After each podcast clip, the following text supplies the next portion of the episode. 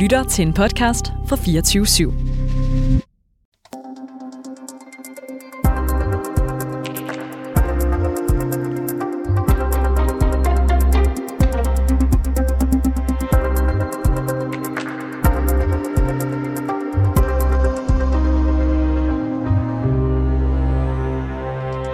Så øh, hvis der er nogen, der er i tvivl om, at det her ægle fænomen altså er kommet til Danmark, jamen så håber jeg i hvert fald, at den vildfarelse måtte være udredet nu.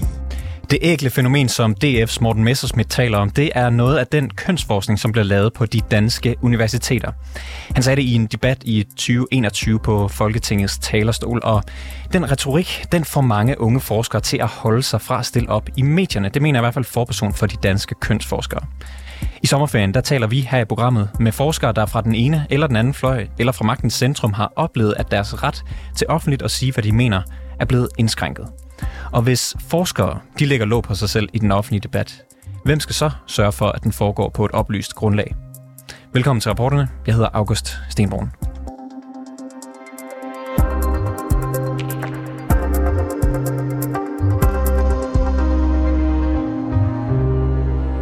Helene Pristed Nielsen er forperson for Foreningen for Kønsforskning i Danmark. I dag arbejder hun som ligestillingsrådgiver i Forsvaret.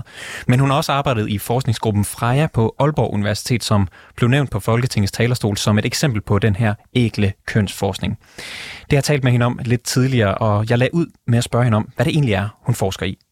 Jeg har jo lavet lidt forskelligt igennem årene, men primært har jeg beskæftiget mig med øh, forskelle i unge mænds og kvinders uddannelses- og karrierevalg, øh, og især det med, hvordan det hænger sammen med, hvor de er født og opvokset henne, sådan rent geografisk, øh, og hvordan sammenhængen er mellem kvinder, der flytter til byerne for at, at opnå uddannelse og, og ofte ikke vender tilbage, og hvad det så gør ved, ved, ved, ved yderområderne og den demografiske sammensætning der og erhvervsudviklingen. Og nu beskæftiger jeg mig jo så med, hvad hedder det, med, med forsvaret og, øh, og, og, og især øh, køn, ligestilling, mangfoldighed inden for forsvaret, og øh, hvordan forsvaret bedre kan, kan blive i stand til at, at få en mangfoldig medarbejderskare, så man kan løse de arbejdsopgaver, som, som ligger både nu og fremadrettet for forsvaret. Så det er, det er kønsforskning, øh, og så, hvad kan man sige, i dit øh, virke som universitetsforsker, det handlet meget om øh, uddannelse og erhverv, alt efter om man er mand eller kvinde, og hvor man kommer fra. Ja, ja, Ja, også, også noget med, hvordan, hvad former vores forestillinger om, hvad vi skal være, når vi bliver store, havde jeg sagt. Altså unge mennesker, hvad, hvad er det for nogle forestillinger, de gør sig om karriere? Hvem spejler de sig i, og, og hvem præger de valg, de tager? Hvad bidrager den viden til? Altså noget af det, som jo er en udfordring i Danmark, kan man sige, det er sådan noget som flaskehalse på arbejdsmarkedet, og hvordan vi rekrutterer. Altså lige nu kan man jo sige, at aktuelt er der en stor mangel på sygeplejersker i dette land. Øh, jeg holdt for eksempel en række foredrag for, for øh, Dansk Sygeplejeråd i Region Nordjylland her i efteråret, og så snakkede jeg med nogle af, af, af, af dem, der, der leder foreningen, og, af, hvad hedder det, eller leder af sygeplejerådet, og siger, hvor mange med, medlemmer har I egentlig, øh, der, der er mænd? Og det mente de, det lå på omkring 3 procent. Og man kan sige, hvis vi nu rekrutterede ligeligt, for eksempel til sygeplejeerhvervet blandt kvinder og mænd, jamen, så kunne det være, at vi havde færre problemer med at at skaffe de sygeplejersker, vi har råd til, har, har brug for, men at måske skulle vi udvide rekrutteringsbasen, og hvordan gør man så egentlig det? Så man kan sige, at der er sådan en masse praktiske implikationer, både for offentlige og, og, og private virksomheder i, hvordan skaffer vi de, de rigtige medarbejdere, hvordan øh, laver vi et arbejdsmarked, der er smidigt, og hvor folk de kan øh, finde derhen, hvor de, hvor de føler, at de passer ind, og i øvrigt også måske øh, åbne, hvad skal man sige, udvide rammerne for, hvor man kan føle, at man passer ind henne. Og hvordan øh, bidrager din forskning til at kunne løse de problemer? Jamen, jeg, jeg, noget af det, jeg har kigget på og, og peger på i min forskning, det er jo sådan noget med, jamen, hvad med uddannelsesinstitutionernes placering? Øh, har det betydning? Øh, for eksempel kan vi jo se i Danmark, at det især er, altså kvinderne har jo virkelig overhalet mændene i forhold til, hvem der tager en universitetsuddannelse. Og det betyder jo pt, at kvinder især flytter til de større byer, øh, og tager deres uddannelse der. Det vil sige, at vi har en overvægt af kvinder øh, i byerne og en, øh, et underskud af dem ude, på, øh, ude i yderområderne, og hvorimod der faktisk er en del uddannelsesinstitutioner, som sådan historisk set henvender sig til mænd, som stadigvæk er placeret uden for byerne. Øhm, og det betyder simpelthen noget for, jamen, hvem bliver man kærester med, hvem bliver man gift med, hvor får man sine børn henne, og hvor ender man henne i livet. Øhm, så det er sådan noget, det jeg har siddet og kigget på. Hvad er det egentlig for nogle dynamikker, der opstår? Hvad er det for nogle forestillinger omkring, øh, hvad man skal være, og, og hvor man skal bo henne også? Øhm, og det betyder ret meget for, for udviklingen i samfundet som helhed. Øhm, hvad, hvorfor valgte du, at det lige præcis var, var det her, altså kønsforskning med fokus på, på arbejdsmarkedet og, og rekruttering og, og uddannelse, der var, der var det, du ville vide dit uh, liv til?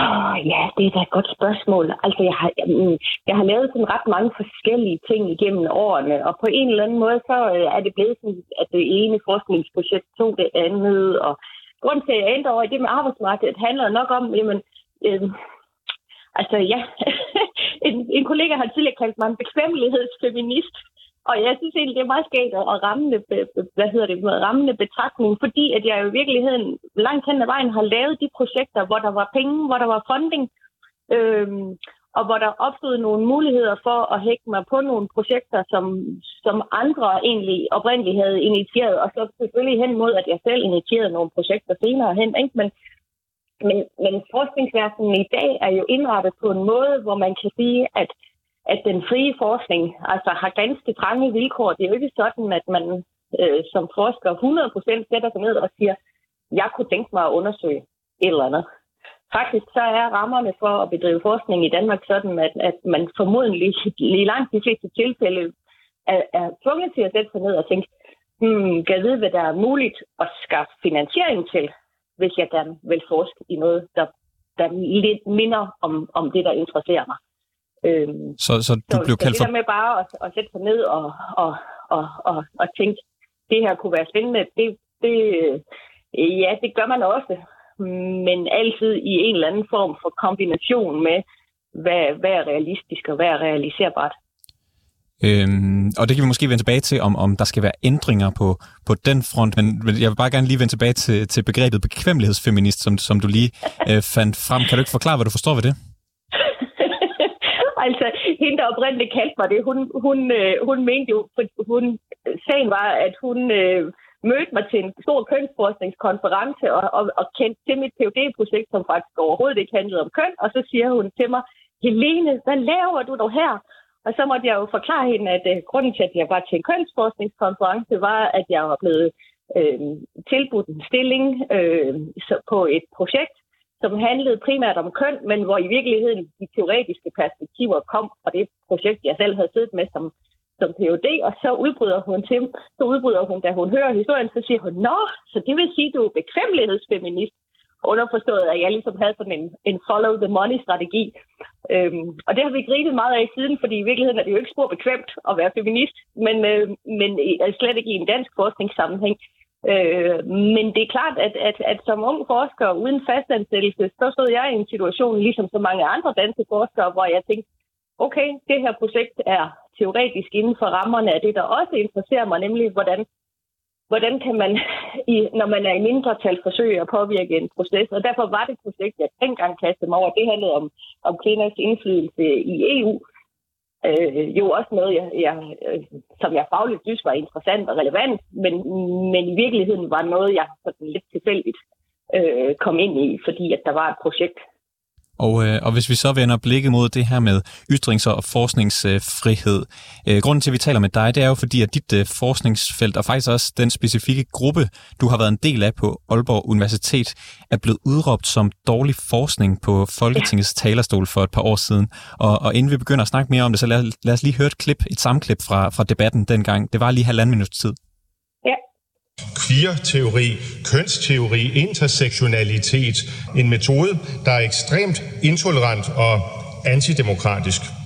Og styret af sådan en slags konspirationstanke om, at universiteterne er gennemsyret af øh, gamle, hvide øh, mænd, øh, som ikke kan løsrive sig fra det ophav, de nu engang er født øh, ind i, uanset hvad de så måtte gøre. Og det er selvfølgelig noget helt grundlæggende øh, vrøv. Mange af, af de øh, underviserne øh, lægger slet ikke skjul på, at det, som de har gang i, det er øh, øh, at skabe ballade eller strukturelle forandringer, som blandt andet i Aalborg, hvor øh, Frejas der er et center, der skal øh, dyrke også køn og postkolonialisme og så videre, hvor forfattere direkte siger, at de ønsker at, at udvirke det revolutionære øh, potentiale. Så øh, hvis der er nogen, der er i tvivl om, at det her ægle fænomen altså er kommet til Danmark, jamen så håber jeg i hvert fald, at den vildfarelse måtte være udredet nu. Altså, det er jo ikke nogen overraskelse, at øh, Dansk Folkepartis ordfører synes, at øh, de her fagområder øh, er noget, han ikke er særlig glad for. Men øh, uagtet, at ordføreren er meget, meget uenig i, at det overhovedet skal være noget, man beskæftiger sig med på universitetet, er der så reelt tale om øh, forskningsarbejde, hvor kvaliteten ikke er i orden? Ja, det mener jeg, man må, man må sige med overvejende sandsynlighed. Jeg kan også henvise til i Freja, som nævnt op i Aalborg. Det er selvfølgelig ikke videnskab, det er politik. Ja, det er altså formand for Dansk Folkeparti, Morten Messersmith her, der siger, at ja, det, I laver op i Aalborg, det er ikke videnskab, det er politik. Han kalder kønsforskning og og jeres forskningsgruppe for, for et e-, enkelt fænomen, og så øh, senere i debatten, der kommer Henrik Dahl fra Liberal Alliance også ind og, og byder med meget kritiske vendinger, og den anden stemme, vi hørte i klippet, hvis man ikke lige er med på det, det var øh, forhåndværende formand for Alternativet, Uffe Elbæk, som stillede spørgsmål til Morten Messerschmidt under den her debat. Øh, Helene Pristed, hvad tænkte du, da du hørte, at jeres forskning blev omtalt på den her måde af flere politikere? Åh, oh, ja, hvad tænkte jeg? Jeg, jeg tænkte mange forskellige ting. altså, på, en, en ting, jeg tænkte lige præcis som min egen forskning var, hvor bizart det var, at Dansk Folkeparti, øh, lige præcis Dansk Folkeparti, var imod, øh, talt imod Freja, fordi rigtig mange af de ting, jeg peger på i min forskning, er faktisk øh, politikområder, som Dansk Folkeparti øh, hvad skal man sige, hvor deres politik i virkeligheden lægger sig op af nogle af de ting, jeg peger på. Kan du prøve at forklare det? Udvikling ja. i yderområderne, adgang til uddannelse også for dem, der bor uden for storbyerne og så videre. Altså, det, for mig, det var sådan helt bizart. Men det, der i virkeligheden tænkte var, var mest interessant, og som jeg synes er mest bekymrende i hele den her debat, det, det var, hvordan man specifikt, fra, altså fra Folketingets talerstol specifikt pegede på forskningsgrupper, bestemte forskningsfelter, øh, som øh, uværdige, utroværdige eller ikke relevante. Og, og det er jo... Øh, altså helt ærligt, så tænker jeg, at det er første, vej på, på, det er første skridt på vejen mod diktatur. Og det, det er meget voldsomt at anklage bestemte forskningsområder for øh, at være øh, øh, irrelevante. Altså vi, vi os, der er beskæftiget inden for kønsforskningen, vi husker jo, hvordan Viktor Orbán hen over en sommerferie i Ungarn lukkede al kønsforskning. Øh, jeg kan ikke huske, jeg tror måske det er en 3-4 år siden, øh, at han simpelthen dikterede, at de måtte ikke åbne igen efter sommerferien, øh, hverken for uddannelser eller forskning, og mange af forskerne flygtede jo derfra. Øh, og, og altså, det er jo, det er jo sådan diktaturstatsagtigt. Øhm, og når politikerne bestemt blander sig i specifikt, hvad der skal ske i forskningen, så er det efter min mening et, et angreb på, på, på forskningsfrihed, men i virkeligheden også på, på ytringsfrihed og, og, og, og alle mulige andre former for friheder, vi ønsker os i dette land.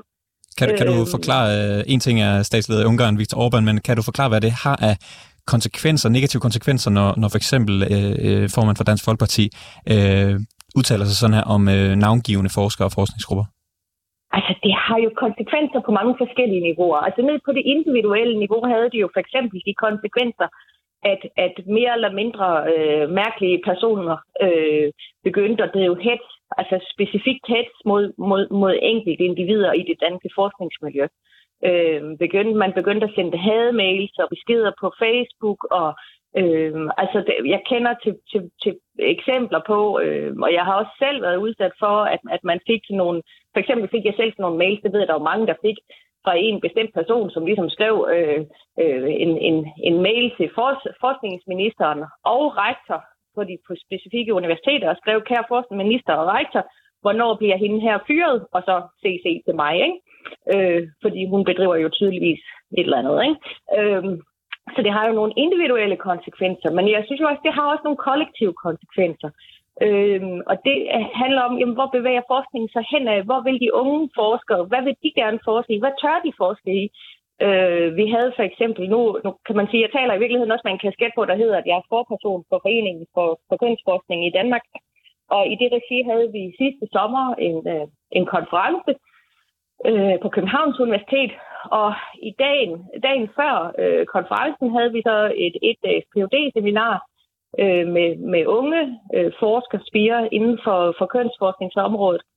Og en af de debatter, der kom til at opstå dagen før øh, selve konferencen. Mange af de unge, de havde jo så meldt sig til vores øh, workshop, og så skulle de direkte videre til konferencen de følgende to dage. Og så på workshoppen, så sidder de der unge forskere og siger, jeg er egentlig bekymret for at stille mig op og sige noget i morgen. Jeg er bange for, hvem der sidder i et publikum.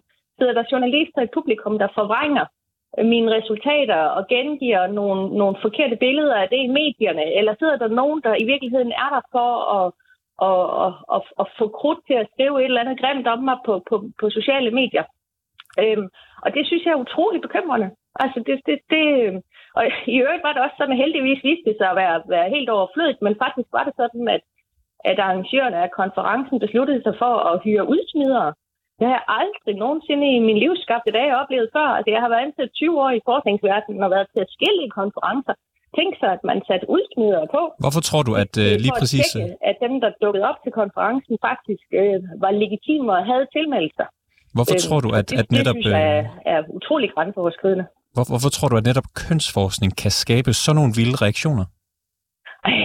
Langt hen ad vejen, så tror jeg simpelthen, at det er sådan nogle det er misforståelser. Altså, jeg, jeg tror, at, at at nogen, nogen forestiller sig, at, at, at, at, at det handler om ting, de slet ikke, øh, de slet ikke kan identificere sig med. Og selvfølgelig er der, der nogle kønsforskere, der beskæftiger sig for eksempel med, med hvad hedder det, øh, ja, øh, folk, der føler, at de er født i en forkert krop og gerne vil have kønsskifteoperationer. Det er klart, der er nogen, der har sådan en meget religiøs eller politisk fanatisme omkring det fænomen, men masser af kønsforskning beskæftiger sig jo også med alt muligt andet meget mere mondant, altså øh, lønforskelle mellem kvinder og mænd, eller øh, hvordan kan det være, at øh, til synligheden er der flere kvinder end mænd, der øh, gerne vil øh, sortere deres affald, når vi taler grøn omstilling, eller altså hvad som helst. Ikke? Kønsforskning handler jo om alt muligt, øh, men jeg tror simpelthen, at, at, at at nogen misforstår og, og tror, at, øh, at det handler om, om seksualitet. Og det er der selvfølgelig også noget kønsforskning, der gør, men, men, men jo langt fra alle, alt. Og, og, og man kan sige, at øh, der er også alt mulig anden forskning, der handler om seksualitet, som ikke nødvendigvis er kønsforskning. Øh... Så jeg tror, at, at der er nogen, der, der, der, der hvad skal man sige, siger nogle spøgelser for sig, som, som ikke findes. Du, øh, du nævnte det her med, at, øh, at efter der havde været en del øh, hvad kan man sige, debat om, øh, om jeres forskningsfelt, jeres øh, forskningsgruppe, så, øh, så kom der, øh, du og dine kollegaer fik nogle forskellige øh, chikanerende mails, blandt andet om, hvornår I, øh, om I ikke snart skulle, skulle fyres. Øh, tror du, at øh, politikere har et ansvar for, at de mails de bliver sendt afsted? Ja, helt, helt afgjort. Altså man kunne jo se, øh, Messerschmidt og, og, og Henrik Dahlsgaard blive, blive, øh, blive citeret direkte i de mails. Altså det er jeg slet ikke i tvivl om. Og der var jo også øh, kronikker i aviserne og alt muligt andet, altså, øh, som, som lå tæt op af, hvad der blev sagt fra Folketingets talerstol. Det mener jeg helt afgjort, at politikerne har et ansvar for, hvilken tone der bliver sat. Det, øh, det, det mener jeg sådan set og når der så er sådan et, øh, jeg ved ikke, om man kan kalde det et angreb, men i hvert fald en, en kritik mod, øh, mod jer, hvad har det så af konsekvenser? Betyder det, at I, måske ligesom øh, de unge du, studerende, du, du nævnte før, eller unge forskere, du nævnte før, at I også heller ikke får lyst til at stille jer frem og sige, hvad I mener eller har fundet frem til? Ja, helt afgjort. Helt afgjort. Altså, det, det, det mener jeg. Øhm, jeg har selv bevidst valgt ikke at være på sociale medier, mens jeg var ansat på universitetet. Altså, det var jeg overhovedet ikke. Øhm, og ja, altså, og der er selvfølgelig individuelle forskelle i, hvordan folk reagerer, men, men jeg kender også til nogen, som, som for eksempel var nødt til at få hemmelig adresse. Øhm, så, så det er bestemt, jeg tror bestemt, at det handler, altså, det påvirker, hvad man gerne vil stille for op og sige, og jeg kan også sige for mit eget vedkommende, at jeg kun udtaler mig her i, i det her radioprogram, fordi at jeg ikke længere er ansat i universitetsverdenen og ikke forventer at blive det igen. Øhm, så du har sagt nej til at medvirke i, i medierne af frygt for, hvad der vil øh, komme i indbakken, ja, eller hvad der vil komme med kritik? Jeg har i hvert fald fravalgt visse typer af journalisthenvendelser. Det kommer jo fuldstændig an på, hvad det handler om. Ved, altså kan jeg, kan jeg høre, at, at vinklen er, er rent faglig, og, og, at, øh, og at det ikke handler om forskningspolitik, så har jeg typisk sagt ja. Men så der, der handler om forskningspolitik, så har jeg sådan set typisk tidligere sagt nej, fordi at jeg ikke har ønsket at, og, og få ørerne i maskinen, kan man sige. Øh, hvis jeg nu lige vender, vender øh, øh, blikket lidt indad, har, har medierne, og måske endda mig, øh, et ansvar for, øh, for at det også øh, ender sådan øh, konfliktfyldt? Ja, jo, det synes jeg egentlig. Altså, jeg, jeg tænker jo sådan set, at, øh, at øh, man, skal, man skal huske at stille de rigtige kritiske spørgsmål, og det er jo uanset hvem der udtaler sig. Det er jo både når forskerne udtaler sig, og når politikerne udtaler sig. Og, og husk at stille de der kritiske spørgsmål, der hedder, hvad, hvad har du egentlig det der i? Hvad er din erfaring, og, og hvilket grundlag udtaler du dig på her? Øhm, og det, øh, det, det er jeg ikke altid sikker på, at medierne er særlig gode til at stille de spørgsmål, men samtidig vil jeg så også sige, at jeg øh, må også sige, at politikerne er rigtig gode til at undvige øh, de spørgsmål. Ikke? Så nogle gange bliver de selvfølgelig stillet de spørgsmål, uden at, uden at levere et svar. Og, og uanset hvis øh, skyld det er, at, øh, hvad kan man sige, at der kommer lidt konflikt her, så, så ender det jo i hvert fald til synligheden med, at øh, flere forskere de ikke har lyst til at stille op og blande sig i den offentlige debat øh, på grund af det her Øh, hvad mister den offentlige debat ved, at øh, forskere fravælger at stille op? Altså, Jamen, det er jo dybt begrædeligt, tænker jeg, at, at forskere fravælger det. Fordi i virkeligheden, forskere er jo typisk øh, statsansatte, og dermed betalt af, af staten til at, at uddanne selvfølgelig den næste generation, men selvfølgelig også til at, at oplyse samfundet om den nyeste viden inden for forskellige felter. Øh, det mener jeg er et vigtigt ansvar for alle forskere at bidrage til den offentlige debat.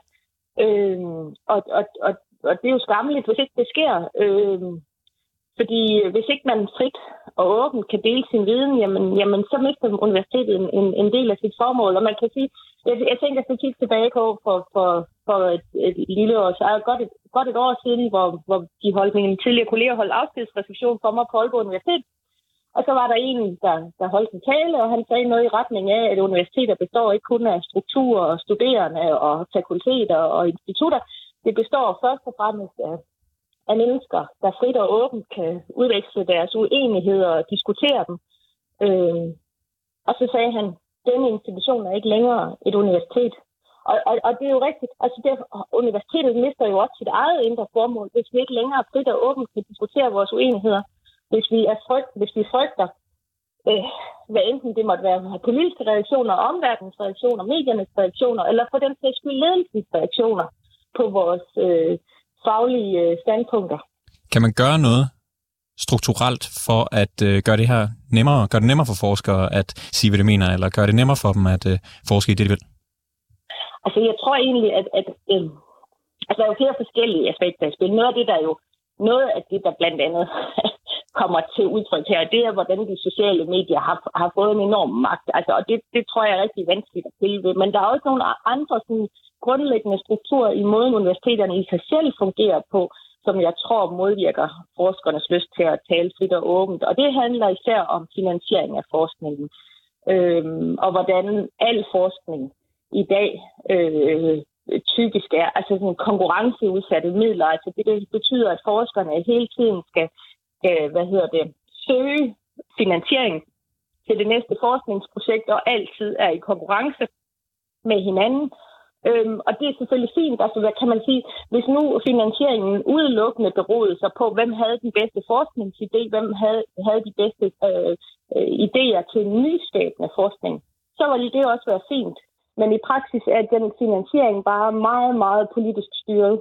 Øh, og meget, øh, stort set alle forskningsmidler er øremærket til bestemte forskningsområder. Øhm, og det betyder, at, at de der sådan, frie idéer til, hvad ville være fornuftigt, interessant, relevant at forske i, øh, de har meget, meget øh, trange vilkår. Og samtidig kan man også sige, at ledelserne på universiteterne jo også er utroligt øh, optaget af, at deres, lige præcis deres egne forskere skal have finansiering til deres egne projekter. Så den der måde, hvor det er blevet konkurrenceudsat i forhold til, til, til midlerne til forskning, det betyder også, at, at nogen har magt til at, at uddelegere midler på en måde, som gør, at andre nogle gange tænker, det, det skal ikke sige noget om, for måske spænder det ben for mine egne muligheder for finansiering fremadrettet. Og det tænker jeg, det, det er også det er en farlig vej at være gået ned af. Det var alt for reporterne i denne omgang. Bag dagens udsendelse var Klar Edgar. Mille Ørsted er redaktør, og mit navn det er August Stenbrun. Kære lytter, du har lyttet til et program fra 24 /7. Du kan finde meget mere modig, nysgerrig og magtkritisk taleradio på 24 7 appen Hent den i App Store og Google Play.